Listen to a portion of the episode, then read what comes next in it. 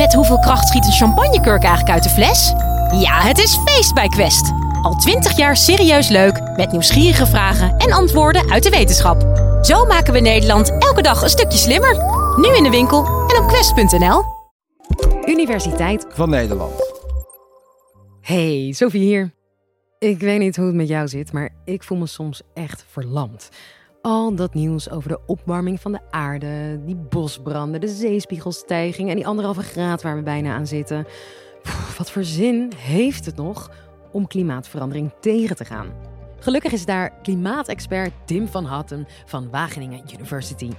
Het is heel begrijpelijk dat heel veel mensen zich heel, heel ernstige zorgen maken over het klimaat. Wereldwijd maakt 75% van de wereldbevolking zich echt ernstige zorgen. Volgens Tim is het nog niet te laat om het klimaat te redden.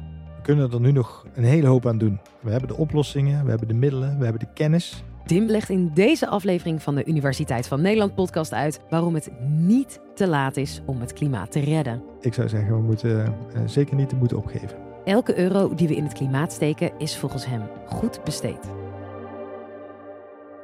Niks doen is gewoon geen optie. Klimaat aanpakken is echt een no-brainer.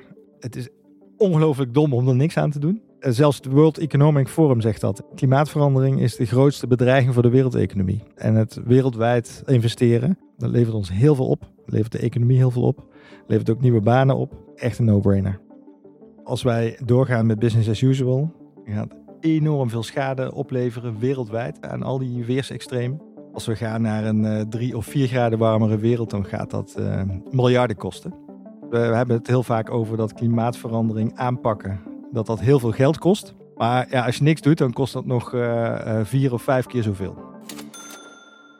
De meeste oplossingen die we nodig hebben om deze hele grote problemen aan te pakken, die zijn al beschikbaar. En die zijn betaalbaar, die zijn schaalbaar. We hebben eigenlijk nog nooit beschikt over zoveel kennis en middelen om, om dit hele grote probleem aan te pakken.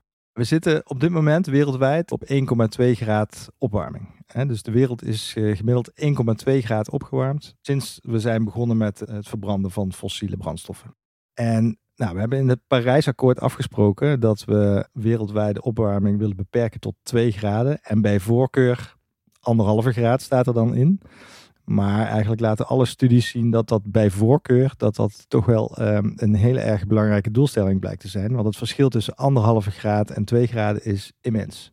Bij 1,2 graden opwarming, uh, nou kijk naar de afgelopen zomer, wat voor een weersextreme we hebben gezien. Uh, eigenlijk door heel Europa heen. En dat gaat bij elke tiende graad gaat dat heel veel meer grote effecten opleveren we moeten ons ook beseffen dat, dat we met het vaststellen van het Parijsakkoord en die doelstelling van de anderhalve graad, dat we eigenlijk uh, 70% van de koraalriffen wereldwijd al hebben opgegeven.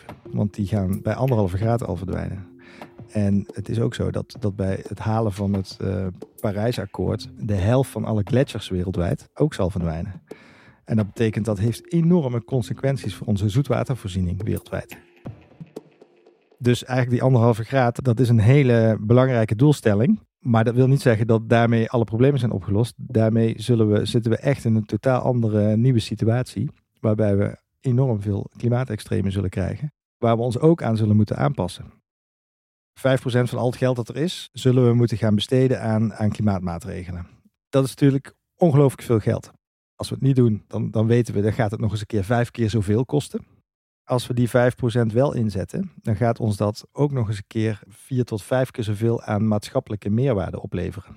Schone lucht, schoon water, betere volksgezondheid, meer gelijkheid, gelukkigere uh, mensen die beter kunnen uh, werken en presteren. Dus het gaat ons heel veel maatschappelijke baten opleveren die vaak wat moeilijker uit te drukken zijn in geld. Maar ik denk als je dat meeneemt in de business case van klimaatverandering, dan is het aanpakken van klimaatverandering uh, uh, levert op heel veel fronten een win-win-win situatie op. Klimaatverandering gaat heel veel gevolgen hebben voor bedrijven wereldwijd. Als een bedrijf gaat kijken waar die bijvoorbeeld zijn grondstoffen vandaan haalt om producten te maken, dan gaan ze ontdekken dat ze bijvoorbeeld nou, afhankelijk zijn van water. Maar klimaatverandering gaat ervoor zorgen dat er misschien soms geen water is. En daar moeten ze dus op inspelen. En ja, andere bedrijven, bijvoorbeeld de landbouw, de hele voedselsector. Ja, dat is een sector die heel hard geraakt gaat worden door klimaatverandering. Door droogtes, door overstromingen, door ziektes en plagen die steeds meer gaan voorkomen. En dat is een enorm risico voor de voedselvoorziening wereldwijd, maar ook voor al die bedrijven die daar eh, wereldwijd mee te maken hebben. De meeste bedrijven zijn er eigenlijk nog veel te weinig mee bezig. Dus die zijn allemaal nog heel erg gefocust op de korte termijn, maar ze hebben nog niet goed genoeg in beeld gebracht wat klimaatverandering eigenlijk de komende 10, 20 jaar voor hun bedrijfsvoering gaat betekenen. En ik denk dat het heel belangrijk is dat bedrijven dat wel gaan doen. Want ehm, ik denk dat ze zich rotstrikken als ze daar eens even goed in de cijfers gaan duiken. Als je een beetje toekomstgericht denkt en denkt hoe de, hoe de wereld er ehm, nou, over 10, 20, 30 jaar uit gaat zien. Wetende dat we al die oplossingen moeten gaan doorvoeren die, die klimaatverandering uh, vraagt. Ja, dan levert dat enorme businesskansen op voor bedrijven. Onze hele economie draait op uh, fossiele energie. En ja, die zullen we heel snel moeten gaan uh, afbouwen. En we zullen energie op een andere manier moeten gaan opwekken. Nou, dus we hebben zonne-energie, windenergie, maar bijvoorbeeld ook waterstof die we kunnen gaan gebruiken. We moeten gaan denken aan opslag van energie. Hè, want de zon schijnt uh, op andere tijden dan we energie nodig hebben. De wind waait niet altijd als we energie nodig hebben. Dus we zullen ook energie moeten gaan opslaan. En zo zullen we eigenlijk uh, ja, veel meer energie moeten gaan, gaan opwekken die hernieuwbaar is. En uh, niet afhankelijk is van, van fossiel. Maar we hebben het eigenlijk vooral over die energietransitie. En ja, mijn kernboodschap is altijd van ja, we moeten nog veel meer doen dan dat. Eigenlijk moeten we op hele grote schaal maatregelen gaan nemen. Eigenlijk in alles wat we doen bijna. Ik heb in mijn boek, The Only Planet, daar heb ik uh, eigenlijk zeven routes geschetst naar, uh, naar de toekomst. Met allemaal oplossingen die nu al beschikbaar zijn en die, die, we, die we al kennen. Die we op wereldwijde schaal moeten gaan doorvoeren. Eén van die routes is energie. Uh, maar er zijn nog zes andere die, die we ook zullen moeten inzetten. Eén route die eigenlijk, wat mij betreft, nog, nog veel te weinig aandacht krijgt, is um, dat wij veel meer moeten gaan samenwerken met de natuur. Uit heel veel wetenschappelijk onderzoek blijkt dat uh, de goedkoopste en uh, meest effectieve oplossing is ons hele natuurlijk systeem. Want die natuur die helpt ons om enorme hoeveelheden CO2 uit de lucht op te nemen en op te slaan. En uh, dat doen bijvoorbeeld bossen, maar ook oceanen. Hè, er zitten heel veel algen in. Die nemen enorme hoeveelheden CO2 op uit de atmosfeer. en moerassen, wetlands zoals we die noemen, die, die kunnen ook heel veel CO2 opnemen. En wat wij aan het doen zijn wereldwijd, is die natuur eigenlijk uh, stelselmatig aan het afbreken. Dus het vermogen van die natuur om die CO2 op te nemen, die wordt steeds kleiner. Heel erg slecht nieuws voor het klimaat.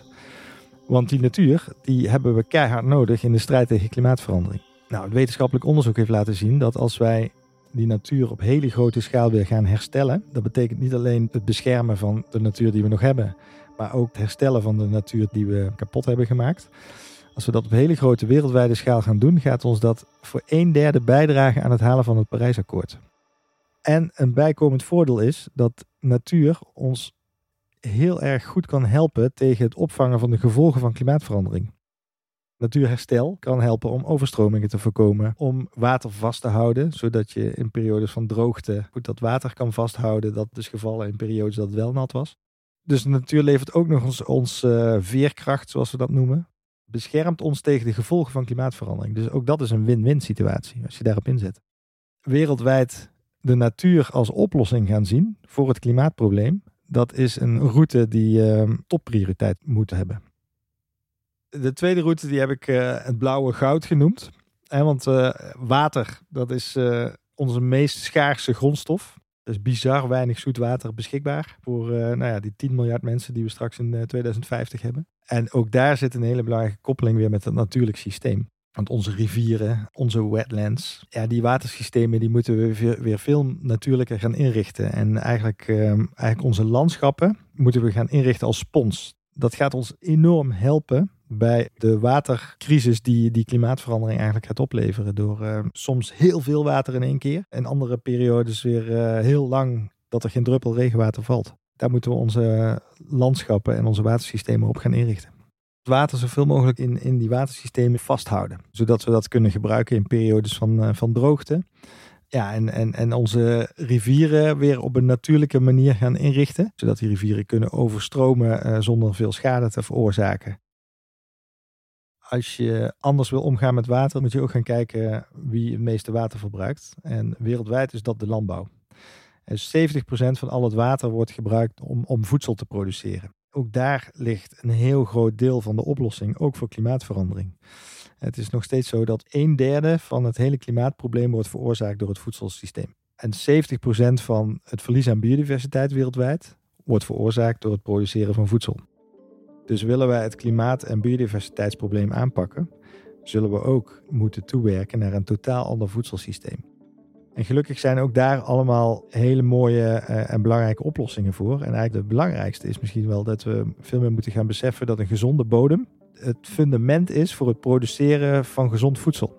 Wereldwijde bodems zijn in hele slechte toestand. Dus we zullen veel meer uh, duurzamer voedsel moeten gaan produceren in balans met het natuurlijk systeem.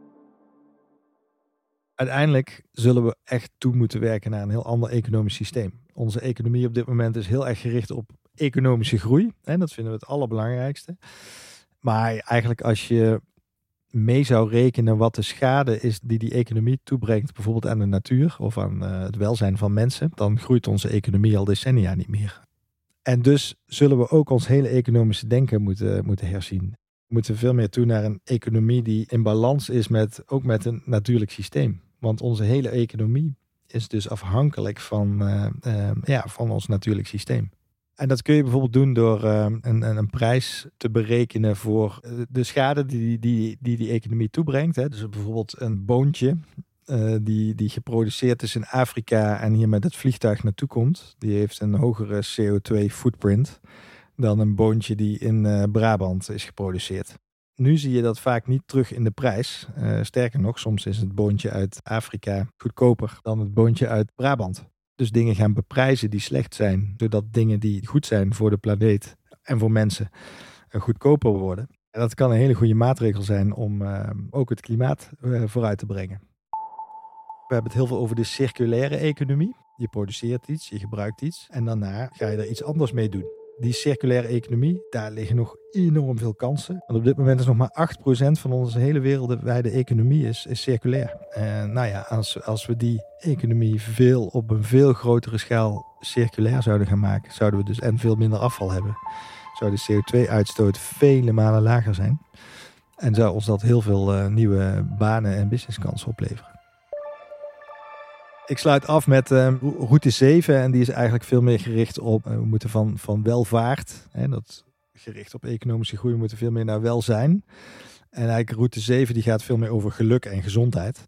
En uh, ja, eigenlijk denk ik dat, dat wij als, als mensen eh, nou langzaamaan steeds meer beginnen te beseffen dat we helemaal niet gelukkig worden van heel veel dingen waar we nu wel gelukkig van denken te worden. Hè. Grote auto's en grote huizen en status en ehm, heel veel dingen die eigenlijk slecht zijn voor het klimaat, daar worden we helemaal niet gelukkig van.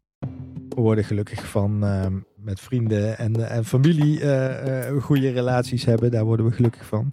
Maar je wordt bijvoorbeeld ook gelukkig van als je zoveel mogelijk in de natuur bent.